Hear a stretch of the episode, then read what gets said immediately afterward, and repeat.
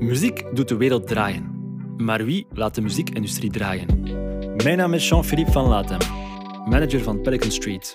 En in deze podcast krijg je insights van professionals uit alle hoeken van de music business. Van management tot live event, van publishing tot marketing. Dit is Music Runs the World podcast. Music runs the world. Mijn gast in deze aflevering is Steve Spaas.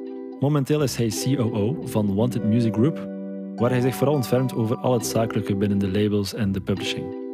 Steve draait al eventjes mee in het circuit en kent dus wel de ins en outs van de business. We hebben het onder andere over Wanted, royalties en partnerships. Hier gaan we dan. Goed, uh, dag Steve. Goedemiddag, Jean-Philippe. Dank u wel. Uh, merci. Ik zeg het altijd aan de gasten, maar toch bedankt om de moeite en de tijd uit te rekken om te komen praten met mij. Nee, um, graag gedaan. Het was wel eventjes rijden. En zeker, ja, zeker, met de werken in Brussel of Antwerpen. Het is wel heel lang rijden, maar okay. het, is, ja, het is nooit uh, gemakkelijk om van de ene, land, van de ene kant naar de andere kant uh, te raken. Maar toch, je bent er geraakt. We hebben al een aantal gesprekken gehad. Ik vind het altijd heel boeiend om naar u te luisteren, omdat je het net ook zei. Je bent iemand die heel wat ervaring heeft in heel wat verschillende takken binnen de industrie. Maar voor alles, denk ik toch, was je ooit, of ben je nog altijd muzikant geweest, producer. Um, klopt dat? Ja, ja klopt. klopt. Ay, muzikant niet. Uh, kan, kan geen noten lezen. Maar um, ja, ik heb wel vroeger heel veel producties meegedaan. Uh, in het begin met Reggie en met andere producers. Dus ja, in die, in die jaren 2000. Um, ehm, ik ben ja. eigenlijk wel begonnen als... Uh, als jonge, als jonge gast op een platenlabel bij Antler Subway destijds in 94. Dus klinkt heel ver en het is ook ver in het verleden. Mm -hmm. um, maar echt begonnen als, als, als promo-jongen. Wat ik trouwens nog altijd met hart en ziel doe, promo. Ja. Um, dus dat is ook, daar ben ik ook begonnen. En dan zo doorgegroeid en uh, binnen dezelfde firma naar, naar de publishingafdeling A&R. Uh, ja, de, het, hele, het hele gebeuren binnen een platenlabel mm -hmm. Destijds gelijk een platenlabel destijds ook functioneerde. En eh, had je altijd al iets van je zit aan de creatieve kant als producer, maar altijd de zin had om meer aan de, de businesskant te gaan werken? Of is dat vanzelf wat beginnen uh, vormen? Um, goeie vraag eigenlijk. Um, eigenlijk is dat het een en het andere gevloeid door de jaren heen. Um, en dan, ja, je wordt dan ook wat ouder, dus je laat het creatieve over aan de nieuwe generatie. Dat is een besluit dat ik heel grap genomen heb. ik denk zelfs vanaf 2002 zelfs al, dat ik echt zei van oké, okay, er is een nieuwe generatie, jongere, jonge producers daar. Ja, ja. En ja, ik heb, omdat ik het ook allemaal zelf heb moeten leren, ik herinner me nog heel goed, toen dat ik pas begon in de muziekindustrie in 1994, wist ik niks, ook geen enkel vakjargon. Ik ben gewoon, ja, dat mijn passie lag in de muziek en ik ben gewoon destijds ergens binnengestapt en gezegd, kijk jongens, hier zou ik graag willen werken. En dan zei ze, ja, oké, okay, begint maar. Dus ja, zo ja. was dat destijds. Nu is dat helemaal anders. Nu, nu, heb je diploma's nodig. Nu bestaan er ook scholen. Uh, PXL bijvoorbeeld bij ons in Hasselt, die, die muziekmanagement lesgeven. Mm -hmm. Wij hebben het allemaal moeten leren, met aldoende moeten leren eigenlijk. En denk je dat dat nodig is? Er is zeker in, in managementfuncties het vakjargon leren sowieso, maar denk je dat het, het naar school gaan om specifiek die job te leren ja, een, een must is om, om daarin te starten? Persoonlijk niet. Het enige verschil is, wij hebben er, ik, heb er nu van, ik heb er nu bijna 30 jaar over gedaan om te weten wat ik weet.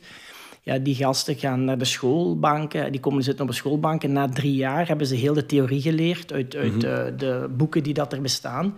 Wij, ik ben wel nog iemand, ay, wij, oudere generatie hebben het echt allemaal aldoende moeten leren. Wij zijn met vallen en opstaan. Nu, ik heb heel veel ja. uh, studenten die bij ons ook stage komen lopen. En die komen wel, al, ik kom wel allemaal tot dezelfde uh, conclusie na de, na de jaren dat ze doen. Ze halen meer uit de praktijk mm -hmm. dan uit de theorie. En dat vind ik dan wel heel belangrijk voor die jonge gasten, dat ze heel veel praktijk doen. Want het is niet zo simpel allemaal. Hè. Je moet, het stomme voorbeeld is, ik had een student nog niet zo lang geleden en die moest van mij een database opbouwen. En die zegt, ja, maar wat een mongolenwerk is dit dat ik moet doen? ja, uh, sorry vriend, maar zo werkt het nu eenmaal. Je moet je database ook ergens gaan opbouwen. En je moet ook zorgen dat alles wat dat je doet, dat dat te goed gedaan wordt. En dus nog eens verifiëren daarna. En, en je mocht mensen ook niet stalken. Je moet, je moet dat allemaal... Er, er zijn, there, there are rules in the business. And mhm. you need to play the game by the rules. En dat leert je niet op school. Nee, maar ik vermoed ook dat dat... ik heb ook studies gedaan en het legt inderdaad een basis. En van daaruit zoek je waar dat je plaats wilt vinden in het werkveld. Uh, als dat nu muziek is of, of uh, iets anders. Komt altijd een beetje op hetzelfde neer. Die praktijk gaat altijd wel uitwijzen van wat dat je graag doet en, en uh, hoe dat je... Het, het, het is leuk dat dat bestaat wel. Ik denk, moest, ik heb een maat van mij die dat gedaan heeft ook bij PXL.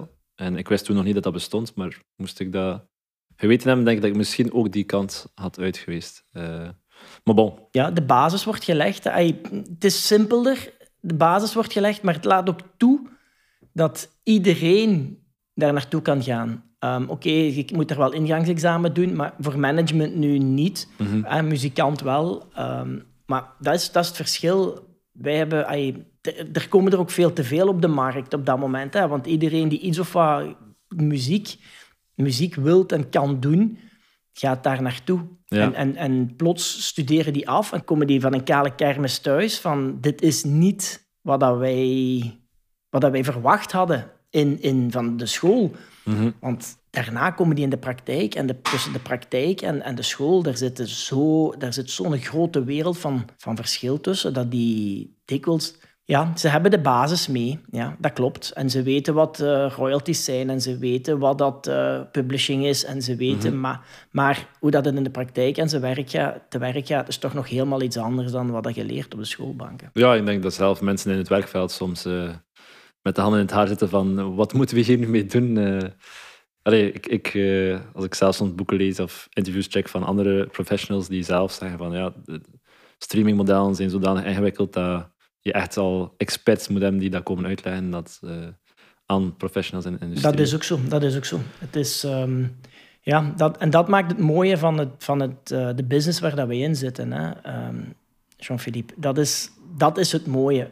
Het is elke mm -hmm. dag wel iets anders. Deze, de, de ene week zit je met Spotify heel hard bezig en, en hoor ik op een podcast deze week dat Spotify 43 verschillende betaalmodellen heeft naar zijn klanten toe. Ja, begin maar te zoeken, of, of zoek maar welke dat bij jou een toepassing is. Als er morgen een artiest naar je toe komt en zegt, ja, maar ik kan er niet aan uit hoe dat mijn betalingssysteem van Spotify werkt.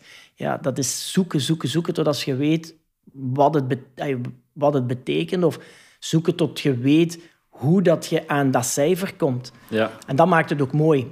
dat is ook het mooie van, van de business waar dat we in zitten. Hè. Ehm, ik, ik ga elke dag met een glimlach naar het werk. Want eigenlijk is dit geen werk. Dit is puur fun. Ja, het is fijn, het is fijn. Wij, wij amuseren ons. En het is elke dag bijleren. Zeker in, in de sector dat wij in zitten. Mhm. Zeker in wat dat ik doe van job. Ja, ik doe eigenlijk alles binnen het bedrijf van wat met muziek te maken heeft. Ik ben eigenlijk verantwoordelijk voor zowel de labels als voor de publishing binnen het bedrijf. Mhm. Maar dat is zo breed ja, dat, gaat, dat gaat van het maken van contracten tot, tot, het, tot het sluiten met deals met, met de distributeurs, tot alles. En dat zijn de leuke, dat is ook dan ook het leuke, want je komt zoveel verschillende mensen tegen, je, je, doet zoveel verschillende dingen met je product. Mhm. En je creëert iets. Hè. En dat is, het, dat is het schone aan het verhaal. Je, je creëert een, een, een... Je helpt je artiesten met hun creatie en je probeert die creatie groter te maken. Ja. En dat is wat wij eigenlijk doen. Nou. Spreekt over wij, hè? we kunnen er meteen induiken. Uh, je werkt dus nu als Business Affairs Manager of COO voor uh, Wanted Music Group. Voor de mensen die Wanted Music Group niet kennen, kan je misschien een keer kort uitleggen. Wat valt er allemaal onder die groep en wat dat jullie allemaal doen? Een jaar of vier geleden um, zijn Joost Frederiks en Thomas Samples uh, met een firma begonnen, Artist Amplifier. Een Artist Amplifier dat is begonnen als een boekingskantoor slash evenementenbureau. Mhm. En heel snel daarna zijn ze tot de constatatie gekomen dat er eigenlijk in het boekingskantoor heel veel jonge mensen aankwa aankwamen kloppen voor boekingen. Nu spreek ik nog allemaal pre-corona-tijdperk. Ja. voor boekingen. Um, heel veel jonge DJ's, heel veel, ja, heel jong zelfs, mensen van 7, 8, 9 jaar, die kwamen dan aankloppen om, om DJ-lessen te volgen. En dan zeiden ze van, ja oké, omdat er toch zoveel mensen eigenlijk in dat boekingskantoor willen terechtkomen en vragen achter DJ-lessen, zijn ze ook een DJ-school begonnen. Ja. Art, uh, Amplify, Amplify, Academy. En Amplify Academy is um, binnen het bedrijf hebben wij vijf takken. Hè? Dus hebben wij dus het boekingskantoor, hebben wij de DJ-school, hebben wij professionele muziekstudio's, hebben de labels, Just, dat onder mij valt samen met de publishing, en hebben management, artist management. Dat zijn de vijf takken. Die takken die zorgen er eigenlijk ook voor dat wij een soort 360-model hebben binnen de muziekindustrie. Um, maar dat doen wij nooit. Wij doen nooit 360. Waarom niet? Omdat je altijd wel conflict of interest hebt met je artiest. Je kunt niet en, en, en zijn. Je moet en, en, of. Mm of. Ay, dat, is, dat is belangrijk dat je niet in één keer met je artiest... Um, je artiest mag je niet gaan verwijten van... Ah, maar jij zit ook met platenlabel, maar je doet, geen werk, je doet je werk niet goed op je platenlabel. Maar ondertussen zit je ook met een manager.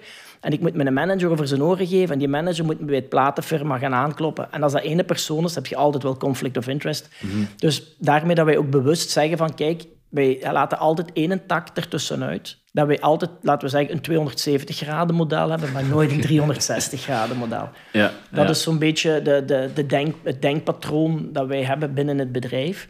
Dus het bedrijf bestaat dan vier jaar. En dan een jaar of drie geleden, denk ik, is Thibaut Courtois bij ons over de vloer geweest in het bedrijf. En uh, ja, die zag plots dat... Ja, die wou ook uh, DJ-lessen volgen. En dat is eigenlijk een, een vriend van, van een van de bazen.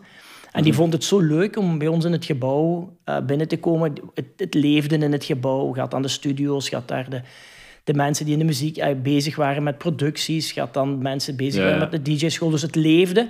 En die zei onmiddellijk van, oh, hier wil ik mee instappen. Dus die mm heeft zich dan mee ingekocht in het bedrijf. En is eigenlijk een van mijn drie bazen. Dus um, als ik hem tegenkom, moet ik ook zeggen, hey baas. Oké. Okay. Um, en dat is en dat is eigenlijk de structuur waar, dat, waar dat ik onder val. Ik heb één, één tak, is dan, waar ik mee bezig ben, is vooral het label slash publishing. Mhm. En dat is eigenlijk de tak die het laatste is bijgekomen. Omdat voordat, voor, ik ben pas anderhalf jaar geleden zijn we gestart met het label en de publishing. Maar wat zagen ze binnen het gebouw? Hè? Dus je had dan de, de DJ's en die kwamen producties volgen. Die hadden dan de studio. En plots kwamen er heel veel producties. Er kwamen heel veel producties onze kant uit de kant uit van het, van, van boekingskantoor slash managementkantoor. En toen werkte ik al op zelfstandige basis voor die jongens. En ik moest eigenlijk grotendeels ook zorgen dat de platen in licentie gingen bij andere labels. Ja, maar het tempo was zo hoog van platen dat binnenkwam, dat ik gewoon niet kon de, zorgen dat dat uitkwam overal. Want ja, je weet, dat duurt lang en de labels moeten beslissen. En dat we eigenlijk gezegd hebben van kijk jongens, dit, gaat veel sneller gaan om zelf een label op te starten en eigen producties te doen en, en te zorgen dat we, dat we nieuwe, nieuwe producten krijgen. En mhm. zo gezegd, zo gedaan. Hebben we, het eerste label dat we toen opgestart hebben is Hotfuzz. Dat was een, eh, een dance label. Ja, een tech house label eigenlijk. En daar hebben we dan ook direct nummer 1 bij op Beatport gehaald. Begin van de corona hebben wij met een Technotronic, met een Nightfunk remix van Pump Up The Jam, hebben we direct nummer 1 gehaald op Beatport. Wat dat ons in een, plots het label katapulteerde van, van, Mooi, van, ja. van 0 tot 100 in, in drie seconden eigenlijk. Naar eigenlijk internationaal een gerenommeerd techhouse label. En dat maakt het leuk, want plots wil iedereen op dat label uitkomen. Dus daar doen we nu wekelijks een release op dat label. Aha, um, ja. ja. En dan merk je ook dat heel veel mensen komen met andere producten. En wij zijn met het boekingskantoor, hebben wij eigenlijk twee takken. We hebben, de ene tak is dance en de andere tak is urban. Ja. En de urban kant is um, heel groot uitgebouwd eigenlijk bij ons. Wij, zijn, wij doen boekingen van Boef, wij doen Moula B, wij doen La Crime. We hebben heel grote internationale namen waar wij de boekingen van doen in België. Maar wat resulteert ook in het feit van dat die jongens ook zien dat wij platenlabel hebben. Mm En zeggen die, oeh, wij willen ook wel eens iets uitbrengen bij jullie. Wat dat resulteert in het feit dat wij dan ook platen uitbrengen van die mannen. Ja. dus vol, binnenkort komt er weer een nieuwe single uit van Moula B. Met een van onze producers, die dat wij exclusief hebben. Uh, Valentino Ignotto, toptalent. Um, en zo gaat dat, en zo blijft dat in die labels, werkt dat zo. Weet je, het is geven en nemen en wij blijven mhm. in, het, in het verhaal. Als label is voor mij heel makkelijk, omdat alles wat ik uitbreng is heeft eigenlijk te maken met de andere takken. Dus Mhm. als ik morgen een plaat uitbreng van een van de artiesten die wij tekenen, Mhm. dan zit er in mijn achterhoofd altijd een verhaaltje van wat, heeft de meer, wat is de meerwaarde van die signing ten opzichte van de andere takken. Hè, bijvoorbeeld, gelijk ik nu net zeg, Valentino Ignotto brengt nu binnenkort een plaat uit. Ja, dat is heel simpel. Die plaat die moet ervoor zorgen dat hij meer boekingen krijgt. Ja, Dat die, ja. dat die radioplays krijgt in België en in Nederland. Dus dat is eigenlijk waar dat wij... Wij zijn eigenlijk een ondersteunende tak van de andere takken. Ja. En de- zo zijn we ook opgericht. Wat het ook goed maakt, want in deze tijd is het heel moeilijk om, om een platenlabel rendabel te maken. Ja, ja, zeker eh, als je dat boekingskantoor er nog een keer onder hebt, binnen corona, wat er geen evenementen kunnen zijn, ja, dan is het leuk dat je de, de afwisseling hebt tussen al die, die verschillende takken. Hè. Wat doe jij dan, omdat je bent inderdaad een, een, iemand die op heel veel verschillende domeinen kan gaan spelen door je ervaring en je kennis. Eh, je zei net, je werkt vooral binnen het label en, en publishing gedeelte van Wanted. Wat, wat is je functie daarin dan? Of waar hou je je dan voornamelijk dan mee bezig? Ben je bezig met A&R? Ben je bezig met eh, eh, de legal kant? eh, het, het innen van, van royalties? eh, noem maar op. Als iemand mij dat vraagt, wat ik doe, dan is het heel simpel. Dan antwoord ik altijd, ik doe alles behalve het creatieve. En dat wil zeggen, voordat, voordat de persoon de studio ingaat, zorg ik dat alle documenten of dat die persoon de mogelijkheid heeft om een studio in te gaan, Ja. om creatief te zijn. Dan, als dat gedaan is, dan kom ik terug, als die creatief geweest is en er is een creatief proces geweest en er is een, er is een product uitgekomen. Hè? We, het maakt niet uit wat voor een product, welk genre, maakt niet uit. Dan kom ik terug en dan zorg dat de contracten in orde gemaakt worden, dat de publishing in orde gemaakt wordt, dat er artwork gemaakt wordt, dat alles geüpload wordt ehm, naar alle distributeurs. Ja, eigenlijk heel het, heel het zakelijke gebeuren daarnaast. Ook het royalty-programma bijvoorbeeld. Heel belangrijk, want ik zie heel veel platenlabels momenteel uit de grond gestampt worden die totaal daar niet mee bezig zijn. Wat dat nog voor heel veel problemen gaat zorgen op termijn, daar ben ik zeker van. Kunnen we straks even op inpikken, maar eh, Ja, zeker. Ehm, en, dan zorg, en dan van het moment dat het uitgekomen is, de, de, de, muziek, hè, van het moment dat het beschikbaar is op alle platformen, dan zorgen wij ook dat de social media campagnes gebeuren. Dan zorgen wij dat de promo gebeurt, zowel de radiopromo als de Spotify promo, ay, de streaming Spotify promo. ja. Dus dat zijn de dingen daar wij eigenlijk echt volledig voor zorgen. Dus eigenlijk de artiest moet bezig zijn met creatief zijn. Dat is eigenlijk een van de voorwaarden.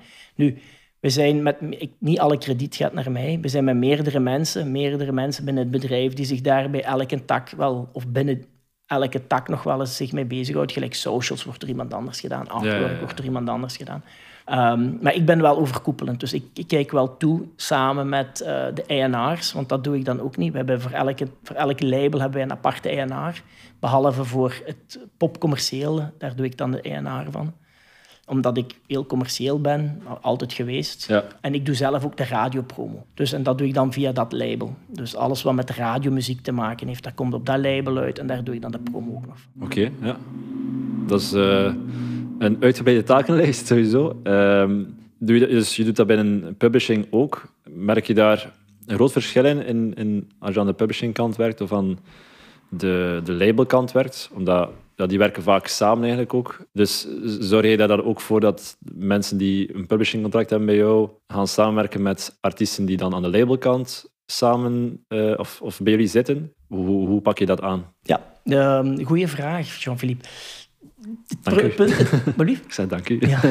Het, ehm, wat dat er nu, wat dat er tegenwoordig gaande is, is dat de, de, de macht ligt meer bij de publishers als bij de, bij li- bij de platenlabels. Nu Hmm. begint wel te merken, doordat streaming eh, dankzij corona terug omhoog gegaan is, dat de labels ook wel financieel, financieel er beter voor komen te staan. Want ai, er zijn labels, ai, je hebt het, ik heb nu overlaatst nog gelezen, de, de, de omzetten van majors zijn momenteel, liggen momenteel bijna even hoog als in de tijd van dat ze nog cd's, fysieke cd's deden.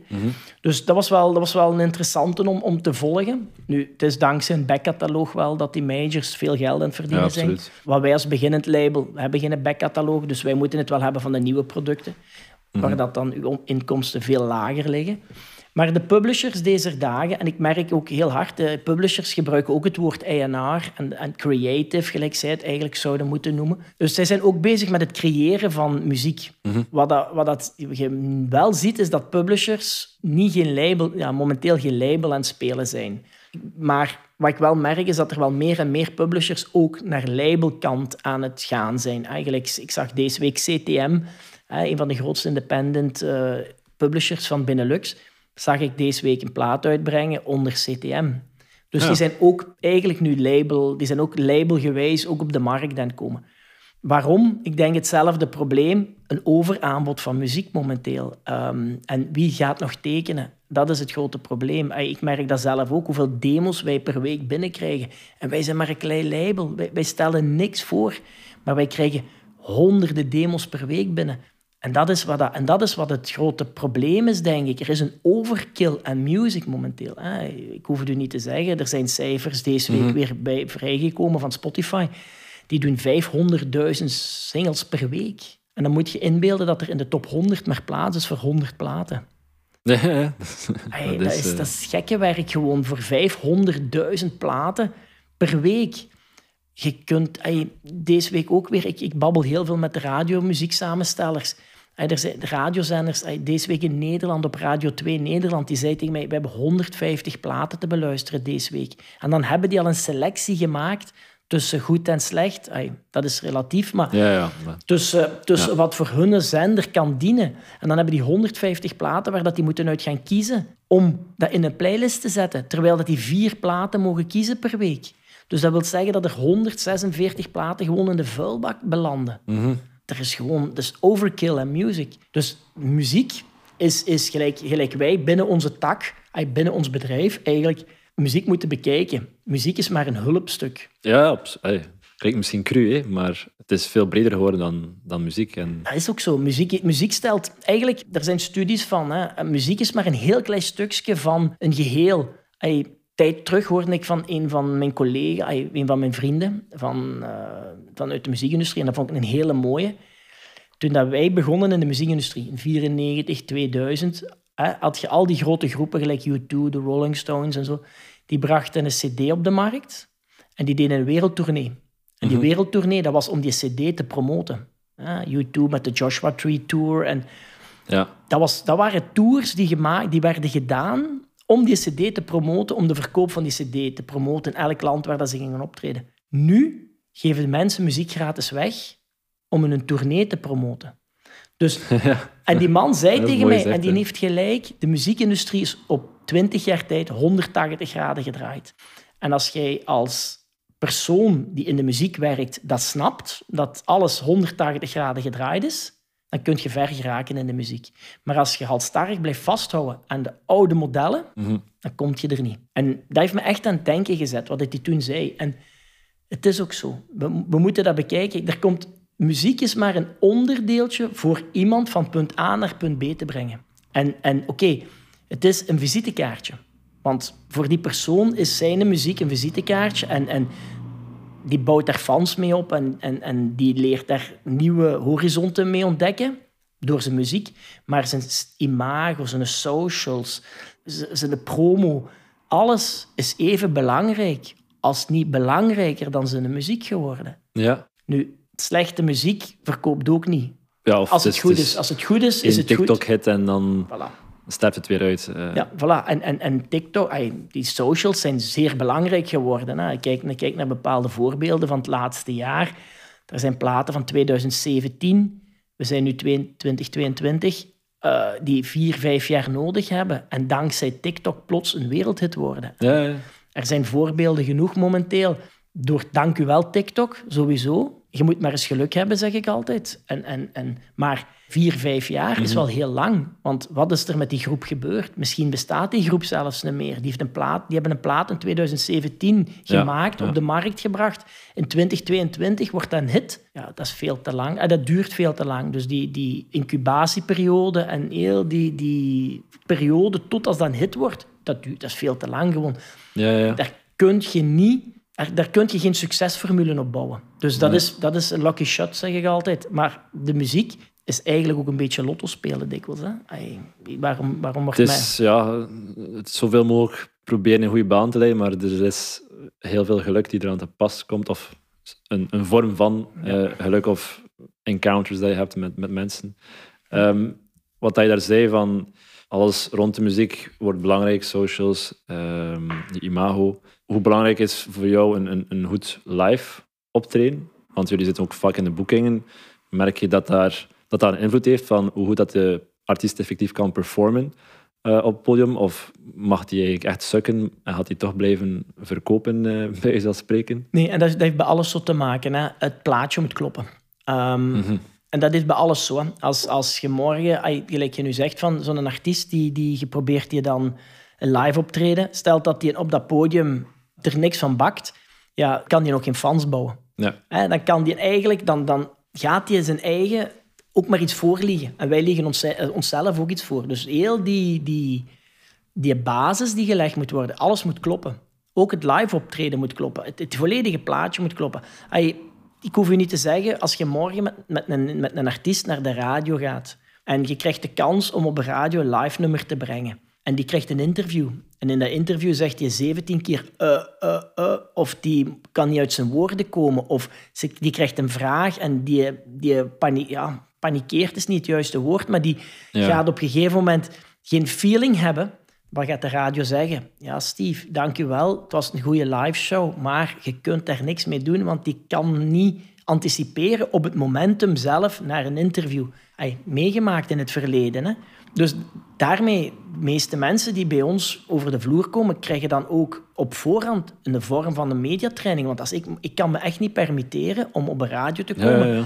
Want als promotor, als promojongen, laten we het promojongen noemen, kom ik op de radio. En ik ben een verkoper op dat moment. Ik verkoop het product. Ik probeer mijn product aan de man te slijten. Dus ik mhm. moet ook beloftes maken en zeggen, ja, maar dat is een goed product. En gelijk een verkoper morgen een auto verkoopt, is hetzelfde als ik naar de radio ga. Ik verkoop op dat moment die muziek aan de radio. En als je dan uit de mand valt, door de mand valt, dat doet je twee keer. En de derde keer nemen ze je niet meer serieus. Ja, en dan stopt het verhaal ook. Dat is ook zo. En dan kun je ook doen wat je wilt. Dan gaan de radio's je ook niet meer serieus nemen. Want dan kom je met een product af en dan zeggen ze... Ay, daar is hem weer. Wat ze dan vandaag laten zien. Ay, ja? En dat is ja, het, is, het, is, het is beide imago's hè, die eronder kunnen leiden of, of uh, er beter van worden.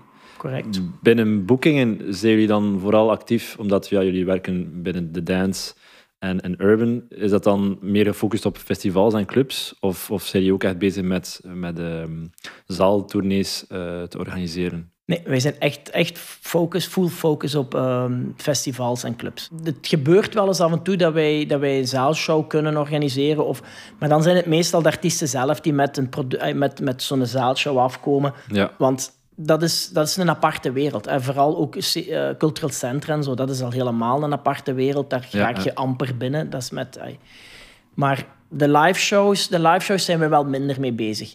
Um, en echt wel club en festivals. we staan op elk festival deze zomer. Met, we hebben zelfs stages op Tomorrowland. We hebben, we hebben heel, mooie, heel mooie, heel mooie uh, events opstaan deze zomer. Wij doen ook, wij doen ook bijna alle boekingen voor, voor als er nog clubs zijn in België en die dan met urban of met dance te maken hebben, ja, daar, daar mhm. boeken wij bijna wekelijks onze mensen. Jullie hebben ook met het label of, of met toch de hele groep ook mooie partnerships. Ik weet dat jullie bijvoorbeeld met die Orchard werken. Zijn dat de zaken dat jij hebt helpen op, op poten zetten ook? Uh, en hoe zijn die zo uh, er gekomen? De meeste, de meeste partnerships komen allemaal door het samenwerken van het team, hè, ook, ook ervaring, hè, weet je, door de jaren heen, je leert mensen kennen. Als je van 94 in de business zit, ja. dan leert je heel veel mensen kennen. En, en op een gegeven moment ben je op zoek naar een partner en ja, dan doet je adresboek open en dan kijk je van oké, wie zijn interessante spelers op de markt. Uh, bijvoorbeeld met Orchard is eigenlijk is ook heel spontaan gegroeid, omdat wij um, Toon Martens, de baas van Sony Music, vrij goed kennen. Ja. En ja, Toon hoorde het verhaal van, van wat wij van plan waren met het bedrijf en met Thibaut Courtois en heel het verhaal. En Toon zei direct van ja, kom, laten we eens aan tafel zitten en laten we zien wat we kunnen betekenen voor elkaar. En die Orchard is eigenlijk ook een onderdeel van Sony. Ja, en, nu, uh... en daarmee dat wij dan die Orchard aan tafel gaan zitten zijn en, en Ik kan u zeggen, toen dat wij bij die Orchard aankwamen, hadden wij ene persoon, ene product manager, die voor ons verantwoordelijk was. En ondertussen werkt er vijf man bij die Orchard. Dus, en dan spreek ik over anderhalf jaar tijd. Dus die zijn ook exponentieel heel zwaar aan het groeien. En dat werkt goed. Dat zijn, dat zijn distributeurs. Dat is een distributiedeal die we daar hebben. En voor ons werkt dat perfect. Als label, al, je hebt je, je hebt je eh, product, product manager en die is verantwoordelijk voor je product van, van, ja. van tot aan, de, tot aan de shops. Daar kun je, je hebt altijd een aanspreekpunt, 24-7. Dus dat is het interessante aan, deals. Maar we hebben ook nog andere deals die er gaan aankomen. Zijn er, er is nu één deal ehm, die heel groot gaat worden. Daar kan ik nog niet veel over zeggen, maar gaat dat nog wel in de media merken binnenkort, waar dat wij mee uit gaan pakken. Ah, er zijn heel veel, heel veel partnerships die dat er gaande zijn momenteel. Ja. Dat is mooi. Het is leuk dat je van boekingskantoor, DJ-school, dat is, dat is een, een, leuk traject en vooral interessante samensmelting van, van alle elementen. Uh, dat denk ik niet uh, zo vaak aanwezig is, uh, zeker in het Belgische landschap dan? Wij, ik denk dat wij vrij uniek zijn. Als, als, ja, ik, denk het ook. wij, zijn, wij zijn begonnen, wij zijn opgestart uit een ander, vanuit een andere hoek. Ik merk heel veel platenlabels slash publishers willen een stukje meepakken van de optredens van artiesten, omdat ja, daar ligt het grote geld momenteel. Het mhm. grote geld ligt niet in, in, in platenlabel. Ik hoef de meeste mensen die nu aan het luisteren zijn niet zeggen, als die zelf een platenlabel hebben, hoe weinig geld dat er te verdienen is met een platenlabel. Um, en bij publishing moet je twee jaar wachten alvorens je daar je eerste geld gaat zien. Dus, dus het, is eigenlijk, het is eigenlijk een zware, een zware investering. Maar de meeste beginnen wel uit, uit het vlak van platenlabels. De meeste platenlabels die momenteel op de markt zijn in Vlaanderen, België, Nederland, maakt niet uit. Die zijn allemaal begonnen als platenlabel pur sang. Ja. En, en die zijn op een gegeven moment hebben die gemerkt van, oh, als we nu artiesten tekenen, nemen we mee in de contracten dat we een kickback krijgen op een optredens. Wij zijn eigenlijk begonnen als boekingskantoor slash productiestudio. Ja. En dan is het label erbij gekomen. Dus wij hebben standaard van in onze contracten eigenlijk altijd al staan dat wij op de optredens mee verdienen. Ja. Dat is een heel ander, dat is een heel ander gegeven. Dus wij, wij, wij komen de kamer binnen via een andere deur eigenlijk. En dat maakt het wel voor ons ook mhm. makkelijker om... De mensen die bij ons tekenen, die weten waar dat ze zich kunnen aan verwachten. Want... Absoluut. Nu, wat wel is, en, en, dat is, en dat is iets wat heel veel... Ik krijg heel veel mensen over de vloer. Zoals gisteren heb ik nog twee artiesten uit, uit Wallonië over de vloer gekregen. De vijf takken kunnen ook los van elkaar bestaan. En dat wil zeggen, het wil niet zeggen, omdat je bij ons in boekingen zit, dat je ook automatisch bij het label terechtkomt. Of als je bij ons bij het label terechtkomt, dat je automatisch bij het boekingskantoor terechtkomt. En ik merk wel, en dat is een, een, een norm die ik wel wil houden, maar ik merk wel dat die aan het vervagen is. Want ik merkte gisteren aan dat gesprek van, ja, maar als ik dan die plaat uitbreng bij u, zit ik dan automatisch in het boekingskantoor? Nee. Mm Dat is niet zo. Wij, moeten, wij gaan niet... Wij, wij, bij, elk bij elk artiest die dat ik teken, daar moet een verhaal aan vasthangen. Oké. Waarom? Omdat als verkoper... Ik kan moeilijk iets verkopen waar dat er geen verhaal van, van, van aan vasthangt. En dat is wat, dat, wat dat ik probeer te doen bij elke artiest die bij zowel in publishing als in records tekenen. Probeer ik te zien van wat zit daarachter? Welk verhaal zit daarachter? Hoe kan ik dat verhaal brengen naar de mensen toe? Al gaat dat van, die heeft deelgenomen aan uh, Belgian Got Talent of die heeft, dat is een, een van de finalisten van The Voice. Dat zijn verhaaltjes. Mhm, ja. Um, want zoals ik al zei, 500.000 platen per week die uitkomen. Mhm. Ja, daar zijn er 499.900 die niet weten, die geen plaats hebben in die top 100. Maar als je kijkt naar die top 100, dat zijn wel allemaal mensen die een verhaal hebben. Daar zit een verhaal achter. Dat zijn, dat zijn, dat zijn ofwel kindsterren, of dat zijn, of dat zijn bekende mensen, of dat zijn... Er is altijd wel een verhaaltje achter. Want vanzelf komt het niet. Dat, daar mocht je zeker van zijn. Dat is, dat is zeldzaam. Dat is zo... Gelijk dat wij vroeger altijd zeiden van... Ja, je brengt een plaat uit en drie weken later heb je een nummer één hit. Dat is, dat is nooit geweest en dat, dat zal ook niet dat, zijn. Dat lijkt zo, maar... Ja. Uh, is, is het dan ook niet... Ja, jullie hebben wel een bepaalde leverage. In de zekere zin, als je dan met grote artiesten gaat werken, dat je wel die zaken kunt gaan aanbieden. In de zin van, het tekent een release met ons, maar uh, wij kunnen je wel shows aanbieden of we kunnen jou zeg maar, studiotijd aanbieden. Is dat iets dat ook gebeurt dan? Of iets dat je als troef naar voren schuift voor de, de grotere contracten dat je probeert binnen te halen? Meestal, meestal in de grotere contracten staan shows mee opgenomen. Dus dat is een combinatie die wij maken. Dus in de meeste gevallen... Dat jullie dan shows garanderen? Ja, dus wij, wij garanderen ik shows aan die persoon. België, Frankrijk, Nederland, Spanje. Maakt niet uit. Um, we hebben overal onze mensen zitten. We, um, en dat is eigenlijk zo'n beetje, de, dat is eigenlijk zo'n beetje waar dat... Dat is een troef. Dat is een grote troef die wij hebben. Nu, dat is een troef die niet, uitges, niet dikwijls uitgespeeld wordt. Die wordt enkel uitgespeeld bij de hele grote die dat wij willen tekenen. En dan nog is het meestal is een moeilijke. Omdat ja. het eigenlijk, nogmaals, gelijk daar straks zei, alles is los van elkaar. Mm Functioneert ook los van elkaar. En wat dan moeilijk is, is op een gegeven moment stelt dat wat dat er echt gebeurd is in het verleden met een van onze optredens, met onze shows, dat wij beloofd hadden aan een van die gasten. Corona is gekomen. Ja. Ja, en, en dan staat je... Ik bedoel de tweede wave. Ik bedoel, de, hoeveel waves hebben we gehad? Vijf waves. Ik denk wave vier dus dat wij vorig jaar in, in, in 2021 van augustus tot oktober toch hebben kunnen feesten. Mhm. En plots kwam corona en moest alles terug dicht. Maar wij hadden wel shows staan in ruil voor die plaat. En die shows worden gecanceld. Ja, zegt die man, ja, maar als er geen shows zijn, ja, dan kan ik die plaat ook niet uitbrengen bij jullie. En dat is, dan een, dat is dan nog wel een discussiepunt geweest op een gegeven moment. Want, ja, ja, wat doe je daarmee? Ja, dat, dat, was, dat, was, dat was echt wel een moeilijke. Nu, we, hebben, we, hebben, we gaan de plaat, de plaat is verlaat en die gaat dit jaar nog uitkomen. Maar dat is wel het moeilijke verhaal op dat moment. Want je belooft aan ene kant iets, terwijl dat, dat van een andere tak komt dan, de, dan de eigenlijke tak waar het over gaat. En dat is, dat is soms is gevaarlijk spel, maar het wordt wel gedaan.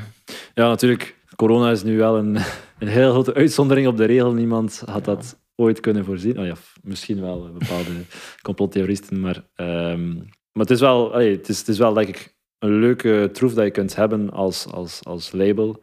Uh, want denk dat niet iedereen kan zijn, gezien de access dat jullie hebben naar festivals toe, dat je kunt dat garanderen. Want dat, dat is vaak het ding. Iets garanderen is, is moeilijk. Dat is, dat is correct. Wij, wij kunnen garanderen dat we x, x shows per jaar, x shows per jaar aan een artiest kunnen geven.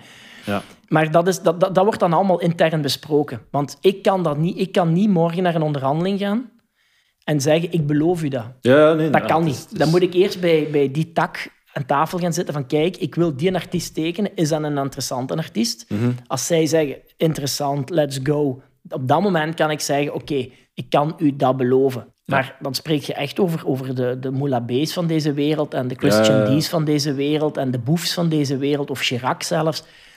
Dat zijn de mannen waar dat je dat kunt mee doen. Omdat mhm. je ook gegarandeerd dan die show kunt verkopen aan die clubs of aan die festivals, omdat de bekende namen zijn. Ja, maar als ik een beginnende artiest, ja, dat gaat niet, want dat kan ik niet beloven, want nee, nee.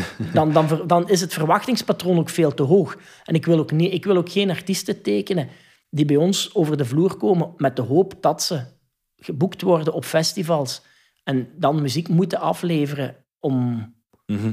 om die festivals te krijgen. Dat, dat doe ik niet. Dat doen we ook niet. Even terugkomen op wat je daar straks uh, even aanhaalde, is die, die royalties binnenhalen als label. Kan je daar een beetje meer informatie over geven, wat dat, dat betekent zelfs ook? Want ik denk dat veel mensen dat, daar geen besef van hebben van wat betekent dat, waar moet je dat gaan halen en, uh, of wie moet je daarvoor inschakelen? Royalties is eigenlijk een verhaal dat ik momenteel gelijk ik daar straks ook zei, zie dat heel veel labels daar niet mee bezig zijn. beginnende labels. Hè. ik, mhm. heb, ik heb over laatste een verhaal gehoord van een Nederlander die 150.000 euro voorschot gekregen had. Die 200 miljoen streams per jaar doet momenteel. Oké. En waar ik aan vraag aan uw statements. En die kijkt naar mij en die, zag, die hoorde het donderen en keulen. En statements, zegt hij tegen mij. Ik zeg, ja, per half jaar moet je normaal gezien, of per drie maanden, moet je een afrekening krijgen van je royalties. Van, staat meestal in contract ook, hè? Ja. En die zegt, nooit gehad. En ja, dan contact gehad met zijn platenlabel. En zijn platenlabel zei, ja, hij heeft toch 150.000 euro gekregen. Waar ik dan op antwoord, ja, maar als je twee jaar lang 400 miljoen streams doet, ay, 200 per jaar doet, je doet 400 miljoen streams in totaal, dan heb je lang 150.000 euro terugverdiend. Ja, maar ja, dat was die deal, zegt hij tegen mij dan zit je uitgepraat. Dus aan de artiesten die luisteren, zorg dat je altijd, elke zes maanden, zeker aan het labels een deur gaat kloppen van kijk jongens, waar blijven mijn statements, waar blijven mijn royalties? Want je Ja. hebt daar recht op. Dat is, dat is geld dat jij verdiend hebt. Wel volgens de waarden en normen van je contract dat je getekend hebt, maar dat is wel waar dat jij recht op hebt. En dan moet je ook achteraan gaan. En dat is ook het eerste wat ik gedaan heb toen dat wij Platenlabel hebben opgestart, is dat het eerste wat ik gedaan heb, is mijn royalty-programma aangeschaft. Ik vind... Ik, ja, er zijn, in België kun je ze op twee handen tellen, die, de labels die effectief daarmee bezig zijn. En de meeste zijn bezig met... Naast de majors dan. ja, naast de majors kun je ze op twee handen tellen die daarmee bezig zijn. In Nederland denk ik dat er nog minder zijn als je op twee handen kunt tellen.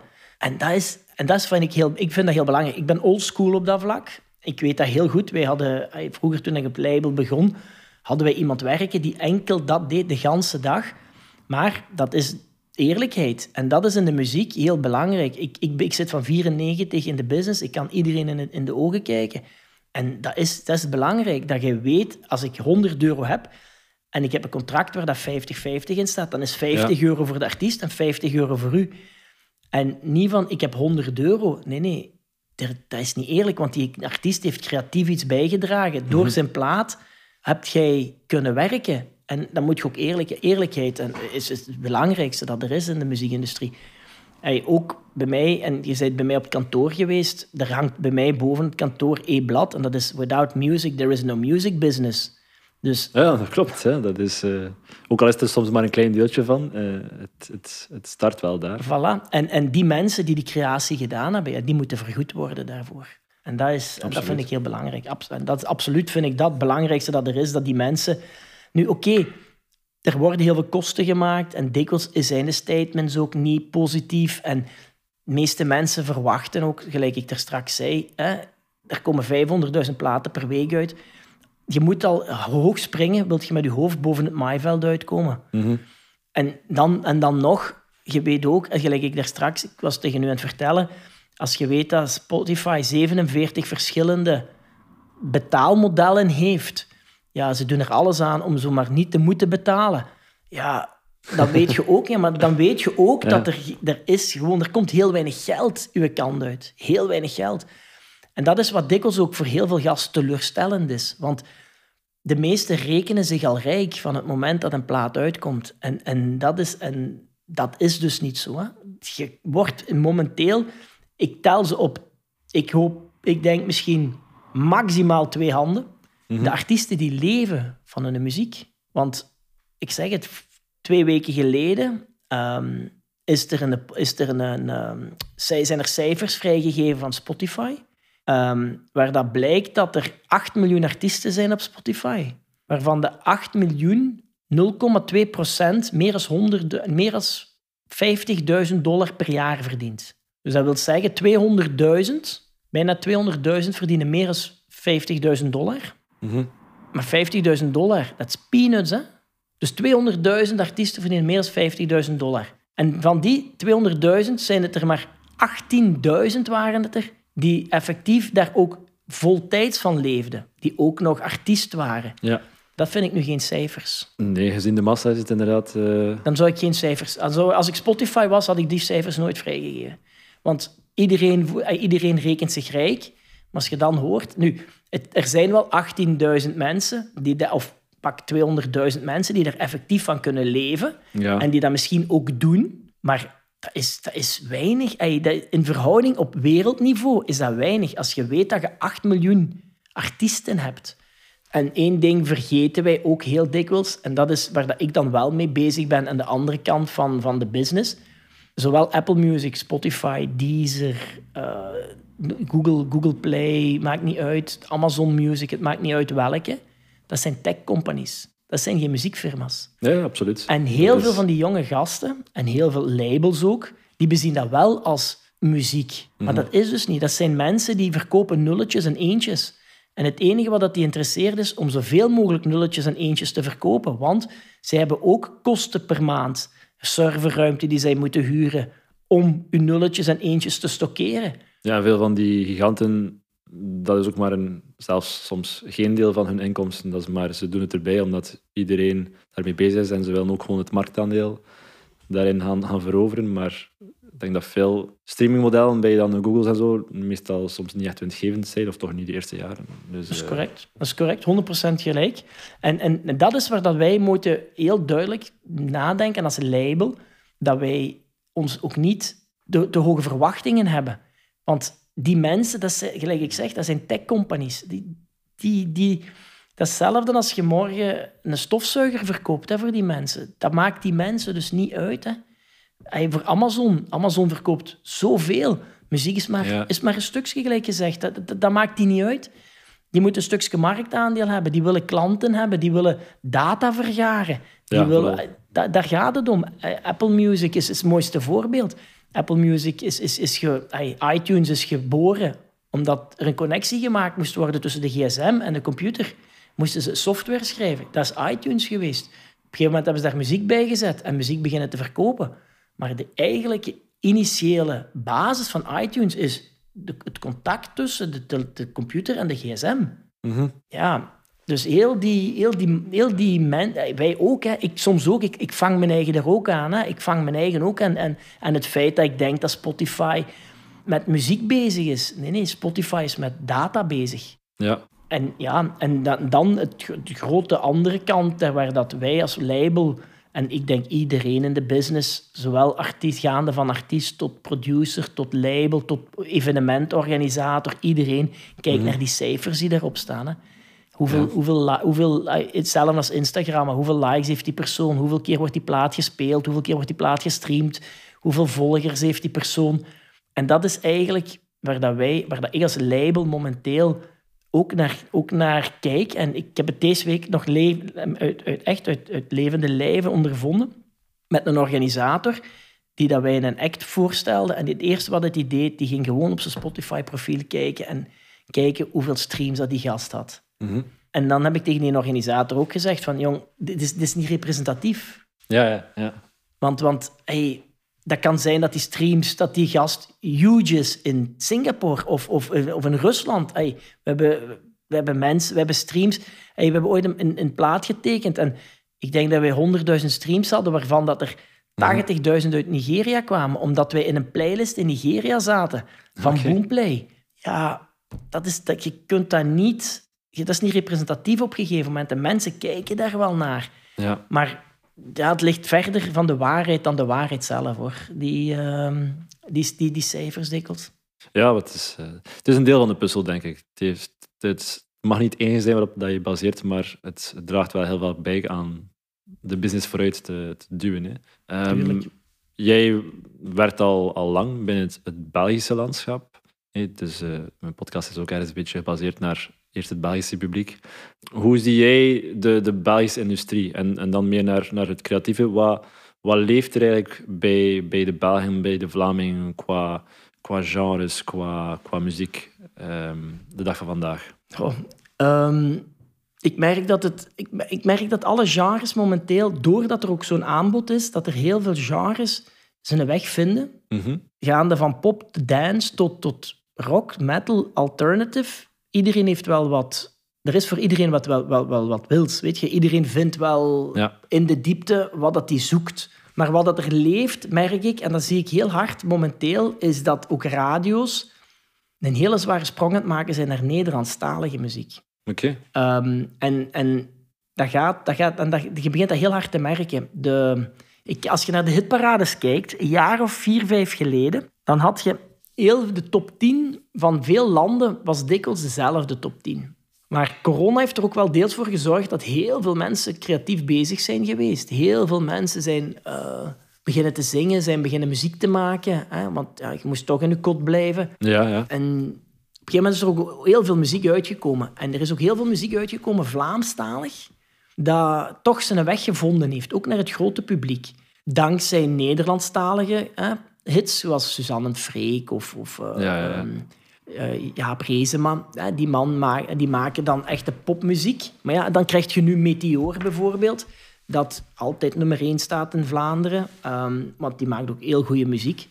Maar dat, zijn wel, dat, is, dat merk ik wel. Dus veel van dat genre is in opmars. Heel fel zelfs. Ey, zelfs aan de artiesten die ik over de vloer krijg, die ik teken, ehm, merk ik heel hard van de demos die ik binnenkrijg, is toch één op drie Nederlandstalig momenteel.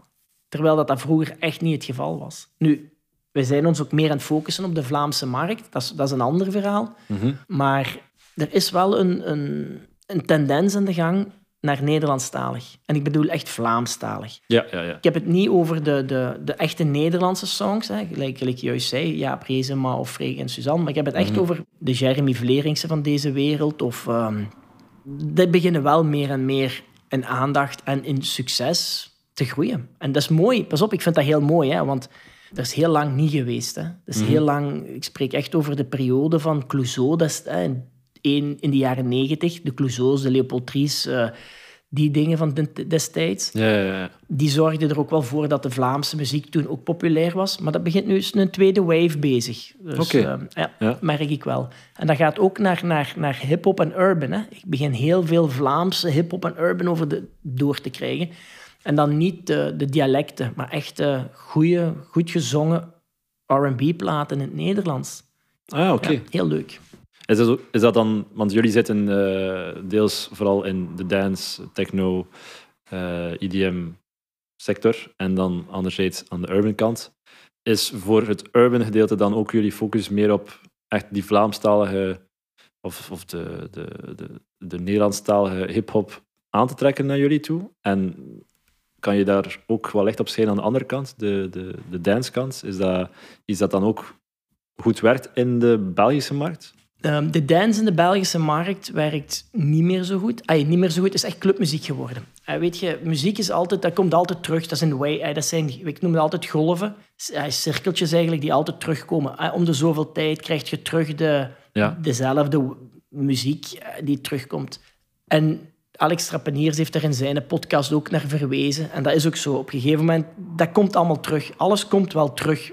Weliswaar met de nieuwe instrumenten of met nieuwe synths of Ja. met nieuwe ideeën. Maar het komt allemaal wel terug. En ik merk dat de dance in België momenteel is echt de tech house slash melodic house en techno zeer populair. Ehm, de Amelie Lensen van deze wereld en de Charlotte Witten in een techno-wereld, ja, die, dat is echt Ja. wereldniveau. Dat is wereldniveau. En dat zijn ook onze ambassadeurs. Ook heel belangrijk. En daaronder, daar heb je eh, de, de subgenres allemaal in de dance. En dat, dat komt je allemaal tegen in clubs. Je hebt, je hebt geen radio's die dat spelen. En dat is het voordeel aan muziek altijd geweest. Op een gegeven moment, mensen gaan muziek luisteren op, lo- op locatie, omdat ze het niet kunnen vinden. En dat is altijd zo geweest. En nu heb je die tendens heel hard in de clubs. In de clubs komen heel veel mensen samen momenteel. Hè. Hier, in, hier in het Gentse, in, bij ons in Hasselt, Antwerpen. Je hebt heel veel mensen die komen samen om naar die muziek te luisteren, omdat ze die nergens anders kunnen horen. Want Ja, of het is op Spotify, maar... ja, eh, zelfs daar niet, want heel veel van die gasten brengen die muziek zelfs niet uit op Spotify. Dat is puur om voor hun eigen te spelen. ja. Dat is exclusief. En dat vinden de mensen wel leuk. Hè. En ik weet goed, toen dat ik op stap begon te gaan in 89, 90, toen gingen wij naar La Rocca. Ja, La Rocca, dat bracht muziek dat je nergens anders hoorde. En we gingen uit de bol en we, waren blij als we een cassetje gekocht hebben. We kochten dat, we speelden dat grijs in een auto om de week daarna terug naar La Rocca te gaan en te hopen dat je terug diezelfde muziek ging horen. Ja, oké. Ja, ja. En, en nu is dat terug hetzelfde. Dat fenomeen is terug aan het komen. Um, Dat is echt clubmuziek aan het worden. En daarnaast, ja, qua urban, is het, is het belangrijk dat voor ons als label, is dat wij de juiste profielen aantrekken. Naar, naarmate de, de songs die wij gaan uitbrengen. En onze markt, onze markt is Benelux. Hè? Dus onze urban markt is Benelux. Stuk Duitsland, stuk Frankrijk. Dat hangt ervan af in wat taal dat de plaat gezongen is. Want dat is ook nog zoiets. Hè, binnen, de, binnen de urban scene heb je heel veel mixen. Je hebt me- mensen zingen in het Frans, mensen zingen in het Engels, mensen zingen in het Duits, in het Nederlands. Of rappen, maakt niet uit hoe dat we het gaan noemen. En dan is het ook wel belangrijk dat wij op dat ogenblik naar die markt ook die promo gaan voeren. Die Ja. promo in die landen zijn ook heel belangrijk. En dat wordt op voorhand wel besproken. Van het ogenblik dat wij een, een, een master binnenkrijgen, en dat is bijvoorbeeld een echt een Nederlandse plaat, ja, dan weten wij, oké, wij moeten promo gaan voeren in Nederland. Dan gaan we ook Spotify Nederland, dan gaan we Apple Music Nederland, dan Ja. gaan we Deezer Nederland ook die plaat bezorgen en hopen dat we daar playlisten mee halen. Doet je dan in Frankrijk bijvoorbeeld, als wij een plaat, we hebben over laatst een plaat uitgebracht met Lacrime, ja, dan wordt dat in Frankrijk ook gedaan. Dan wordt, daar, dan wordt, daar hetzelfde, dan wordt datzelfde gedaan wat wij in Benelux doen, wordt dan in Frankrijk gedaan. Ja. Maar de focus, de focus zal, ligt grotendeels op de Benelux. Mhm. En zeker als je met Nederlandstalige muziek zit, ehm, Ja, dat is- ja, dat is Je logisch. kunt niet veel verder gaan dan, Nee, dan, dan dat. Met dat je al heel wat dingen gedaan hebt en bereikt hebt in je carrière, wat staat er nog op je professionele bucketlist? Dus binnen de industrie. Wat, Eén wereldhit, man. Eén wereldhit. Meer moet het niet zijn. het. Dat, is, dat is het enige. Eén nee, wereldhit. Nee, nee. Ehm, het zou mooi zijn. Het zou meegenomen zijn. Maar op mijn bucketlist... En ik heb eigenlijk geen niks meer... Op, op mijn professionele bucketlist heb ik eigenlijk niks meer staan. Ik heb eigenlijk alles, alle waters doorzwommen binnen de muziekindustrie. En ik heb ze allemaal even graag gedaan. Mhm. Met, sommige met tegenslag, sommige, met, eh, sommige niet. Tuurlijk. Maar er is echt dat ik morgen zeg van dat zou ik nog ooit willen gedaan hebben binnen de muziekindustrie. Nee, dat heb ik niet. Dat is, er is eigenlijk ook niet iets wat dat mij zegt van, of in mij zegt van dat zou ik willen doen. Nee. Ik heb eh, ja, één wereldhit. Ja, dus ik denk, Voilà. dat, dat, dat dat voor veel mensen wel eh, een leuke troef kan zijn als je dat hebt gemaakt. Ja. Ehm, nee, eh, Steve, eh, we zijn ongeveer aan het einde van het gesprek gekomen. Ik wil je sowieso hartelijk bedanken. Is er zelf iets dat je nog, wel, dat je nog kwijt wil eh, aan het publiek? Zegt van een, interessante boodschap, Ehm, ja, voordat we ermee stoppen. zoals ehm, wat ik nog wil zeggen aan alle jonge mensen die bezig zijn met de muziek en met labels, ay, met, met muziek bezig zijn. Labels hebben voor sommige mensen een hele eh wrange nasmaak. Hè? Dat Mhm. komt ook deels omdat er wordt ook altijd gezegd, ja, maar dat label heeft me opgelicht of dit of dat. Nu, wij labels, ook publishers, zijn filters voor de meeste mensen. Mhm. En het, is, het, is het, makkelijkste, het makkelijkste ter wereld is nu muziek uitbrengen. Spotify, je, je moet, je moet Absoluut. CD Baby, TuneCore, het maakt niet uit Eén waar. YouTube-tutorial en je Voilà. het, je eh, kunt, je ja. kunt zelfs je plaat maken eh, en je kunt het uitbrengen binnen de 24 uur. Maar de meeste mensen komen dan in de problemen, want die weten niet wat er allemaal achter zit. En wij als label, slash marketing, slash filter, hè, kunnen u wel helpen daarmee. Dus de meeste mensen die met muziek bezig zijn, blijf doordoen, alsjeblieft. Zorg dat je creatief bent. Maar zorg ook dat je je muziek laat filteren. En filteren wil ik bezeggen, niet door uw mama of niet door uw beste vrienden, want die zullen altijd zeggen dat het goed is, Mhm. maar door onafhankelijke mensen. Mensen die daar dagelijks mee bezig zijn, die weten van dat kan een hit worden of dat kan geen hit worden. Nu, hits maakt je niet, dat wordt geboren. Dat is, dat ben ik al heel, daar ben ik al heel duidelijk in, dat is zo. Maar het is heel belangrijk dat die, jonge, dat die jonge generatie goed beseft van kijk, wij hebben die filters nodig, want alleen is maar alleen op deze wereld. Ja, ja. Dat, is, dat is bij alles. Voilà. Dat is mijn raad. Alright. Zorg dat je goed gefilterd bent. Bij deze wijze woorden eh, kunnen we het gesprek afsluiten. Dankjewel, Steve. Eh, en sowieso nog veel succes met de Dank, toekomst. dank u wel om mij uit te nodigen en tot de volgende. Yes, tot de volgende. Bedankt om te luisteren. Vond je het interessant? Deel dit gerust met iemand die meer over de industrie wil weten. Ik zie jullie in de volgende aflevering. Music.